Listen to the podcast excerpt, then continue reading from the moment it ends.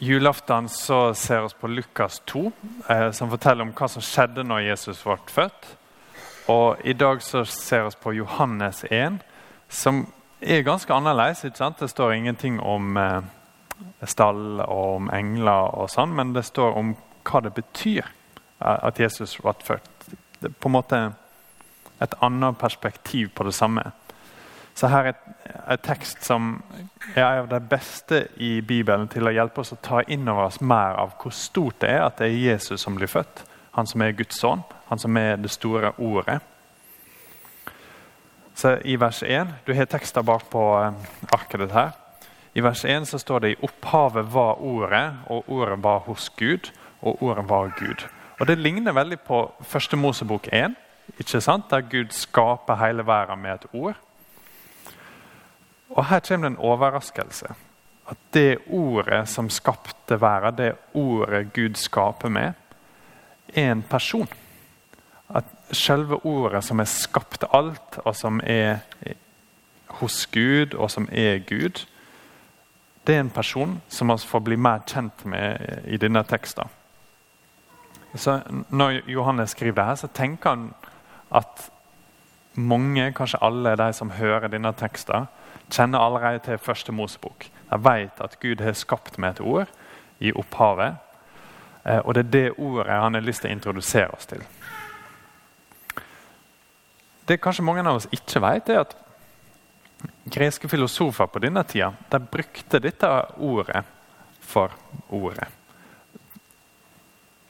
Og når de brukte det, så tenkte de ikke liksom bare på ett ord, men det siste ordet. Hva er det endelige ordet om livet og om universet og om alt? Hva er det som skal forklare eksistensen vår? Hva er det som skal svare på spørsmålene våre? Og Det også tar Johannes på en måte opp. Han sier at ordet, i den betydninga, er også en person. At Det er ikke sånn at vi venter på et filosofisk svar. Vi blir tilbudt en person. At Jesus kommer og er svaret han er det endelige ordet om livet og om visdommen. Og så har han denne nylige teksten om hva som skjedde, hvordan ordet var i opphavet, og hvordan det ordet kom som et lys som skinner i vårt mørke. Jeg har lyst at vi i dag kun skal se på det siste verset. Resten av den tida vi har. Eh, Versene står ikke på arket, ser jeg, men det er der det står og ordet ble menneske og tok bostad mellom oss. Og vi så hans herligdom, en herligdom som den enbårne sården har fra far sin, full av nåde og sanning. Eh, og jeg, jeg, vet ikke hvordan det er for dere, men for meg så er dette eh, et av de versene i Bibelen som jeg på en måte forstår har masse på lager, men jeg klarer kanskje ikke å hente det ut akkurat nå. Og så var det en gang jeg hørte at det var en kar som hadde skrevet en bibelkommentar om Johannes evangeliet. Der han brukte over 100 sider på kapittel 1, vers 14. At han brukte 100 sider kun på dette verset.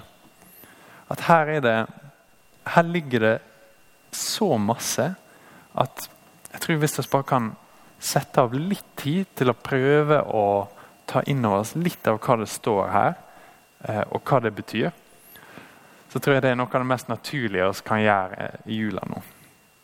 For det er en del ord her som vi kjenner veldig godt til. Kanskje, vi kjenner for godt til dem. Eh, sånn at vi ikke hører dem lenger. Det er noe av og til sånn at når du kjenner noe godt, så begynner du kanskje å eh, tenke litt mindre på det. Dette har vi tenkt på før. Jesus sin herligdom og nåde og sanning. Ok, kanskje skal vi få noe nytt i år. Eh, dere skal ikke få noe nytt. Dere skal få det samme gamle en gang til. Men se på herligdom først. Så Johannes sier Og her snakker han om en person som han kjenner. Han har møtt Jesus, ikke sant? han har kjent han i flere år. Og Han sier ordet ble menneske og tok bostad mellom oss. Ordet der for bostad er på en måte mer å slå opp sitt telt.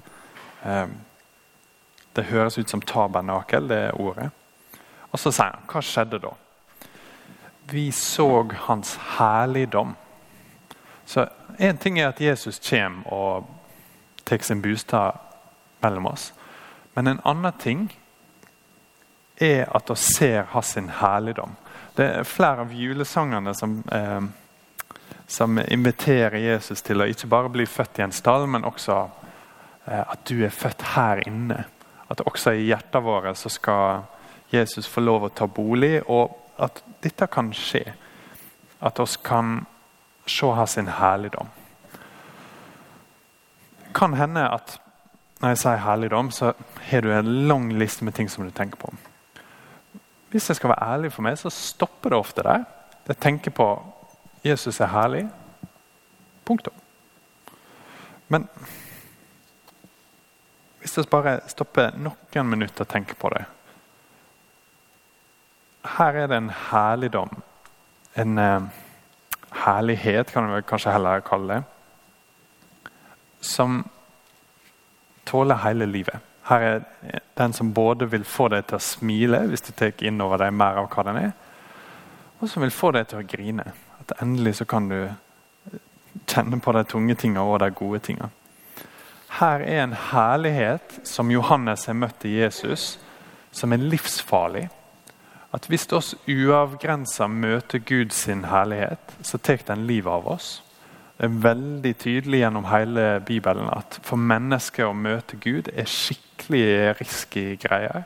For hvis ikke Han er nådig med oss, eh, og på en eller annen måte gjør at oss kan tåle så tåler ikke oss hans herligdom. Vi tåler ikke herligheten hans. Eh, vi kjenner dette litt igjen fra når vi ser på sola. ikke sant? Hvis du stirrer på sola, så tåler ikke øynene dine det. Og det går ikke så veldig lenge før det, før det svir og det tårer. Og det går ikke så lenge før du begynner å få permanent skade på øynene. Ikke sant? Ikke fordi det er noe gale med sola, men fordi sola er så herlig at når vi begynner å ta innover oss den herligheten Hvis vi til og med ser på den i kikkert, så får vi problemer. At det, det er utafor vår skala. Det er utafor det vi er vant med å kunne tåle. Og dette, dette, ser du på ulike måter i Bibelen. Av og til så viser Gud litt av sin herlighet, og så kollapser folk. Eh, det skjer, skjer f.eks. med eh, Daniel, at han har et syn, og så viser Gud seg til ham. Da er det som om all krafta bare renner ut, og han detter ned. Og så kommer det en som er lik en menneskesønn, eh, og løfter han opp og styrker han. Men det skjer også når soldatene kommer for å ta Jesus skjærtorsdag.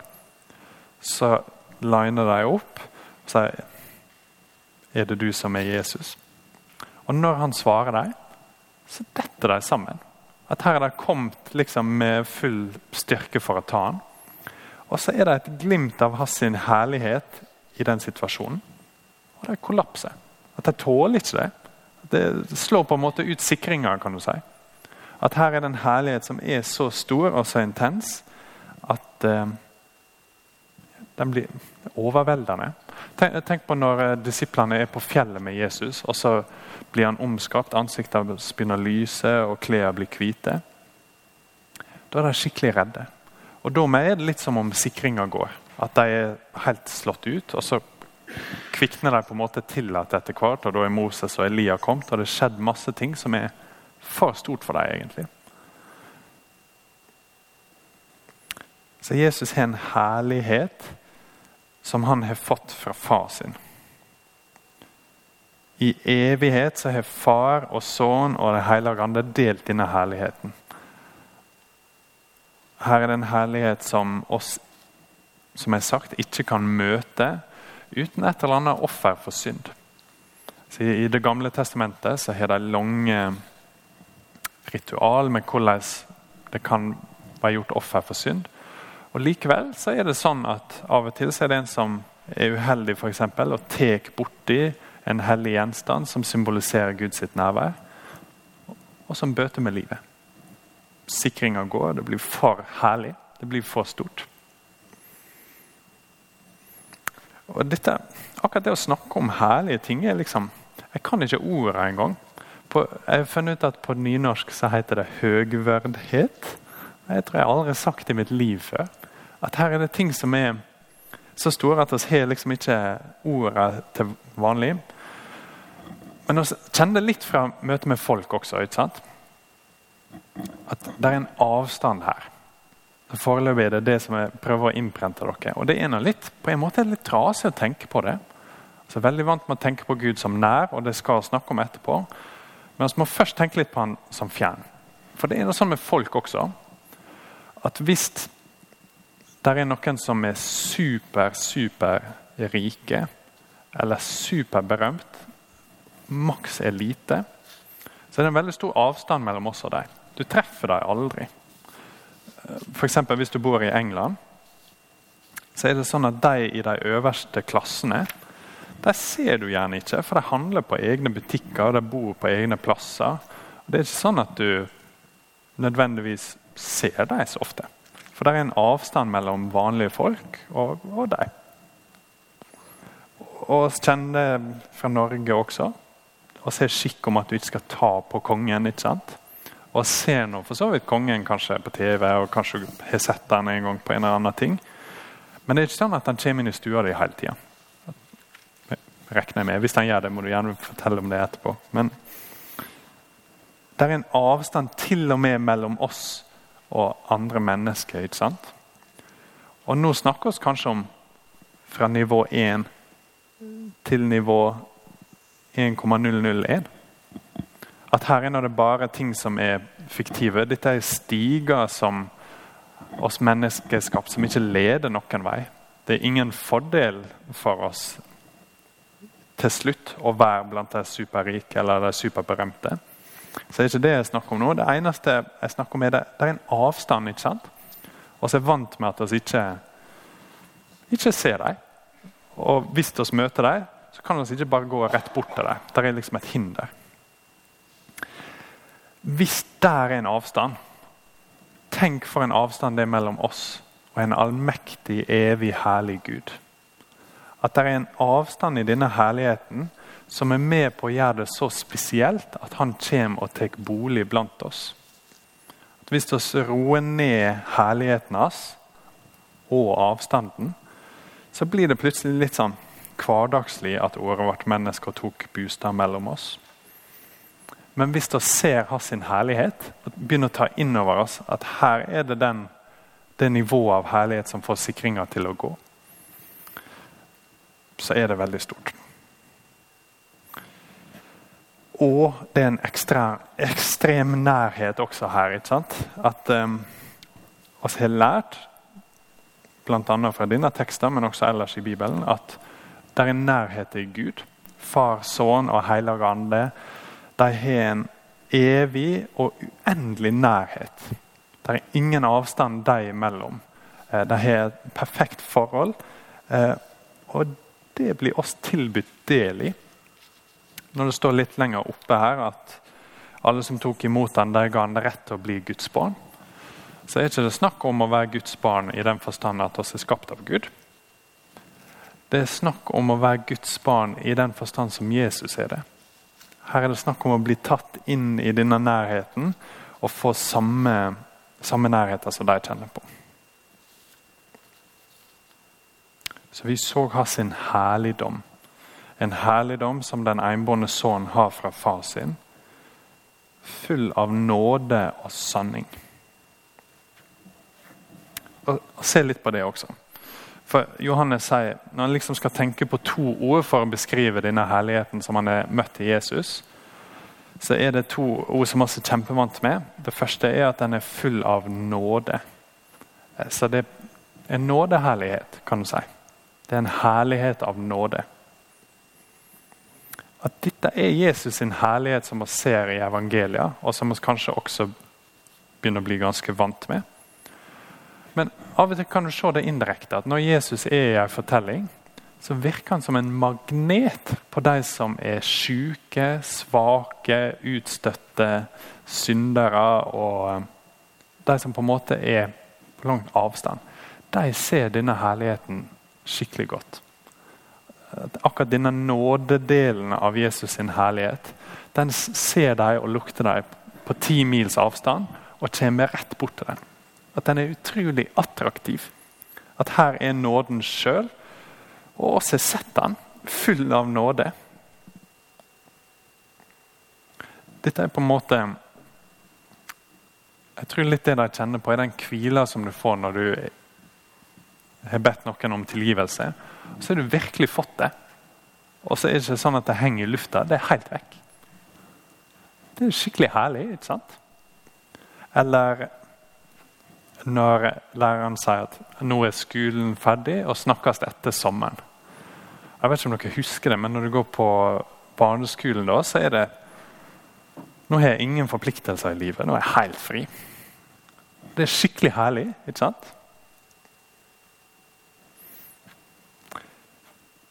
Så Johannes sier så har sin herlig, herlighet, og den var full av nåde.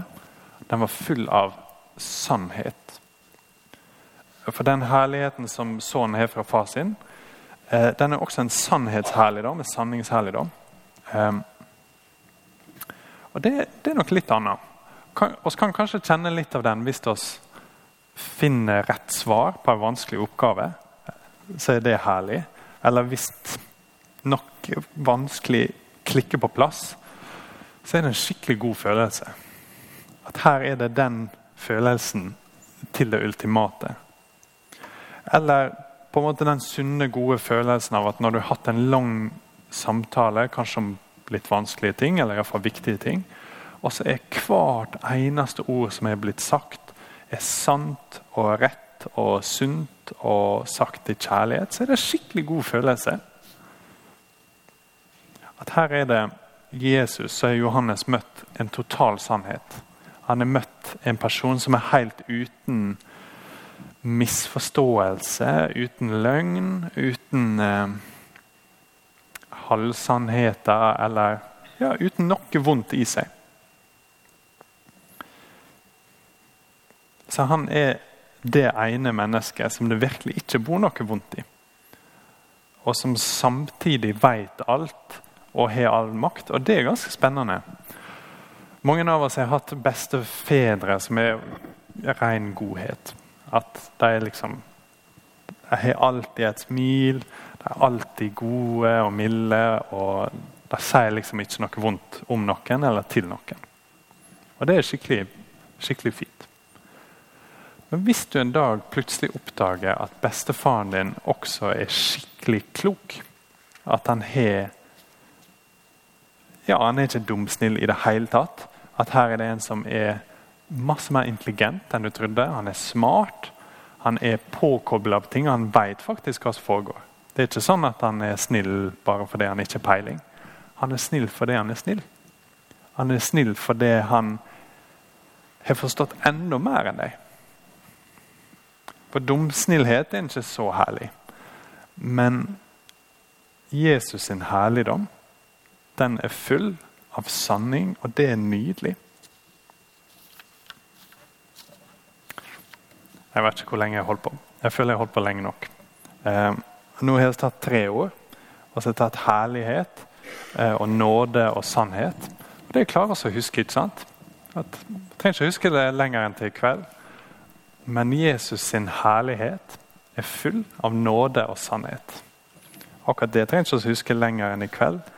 Men faktumet at han er herlig, må vi huske til all evighet. Og Det skal oss også i trua for han, få se ansikt til ansikt og erfare at ordet ble menneske og tok bostad mellom oss.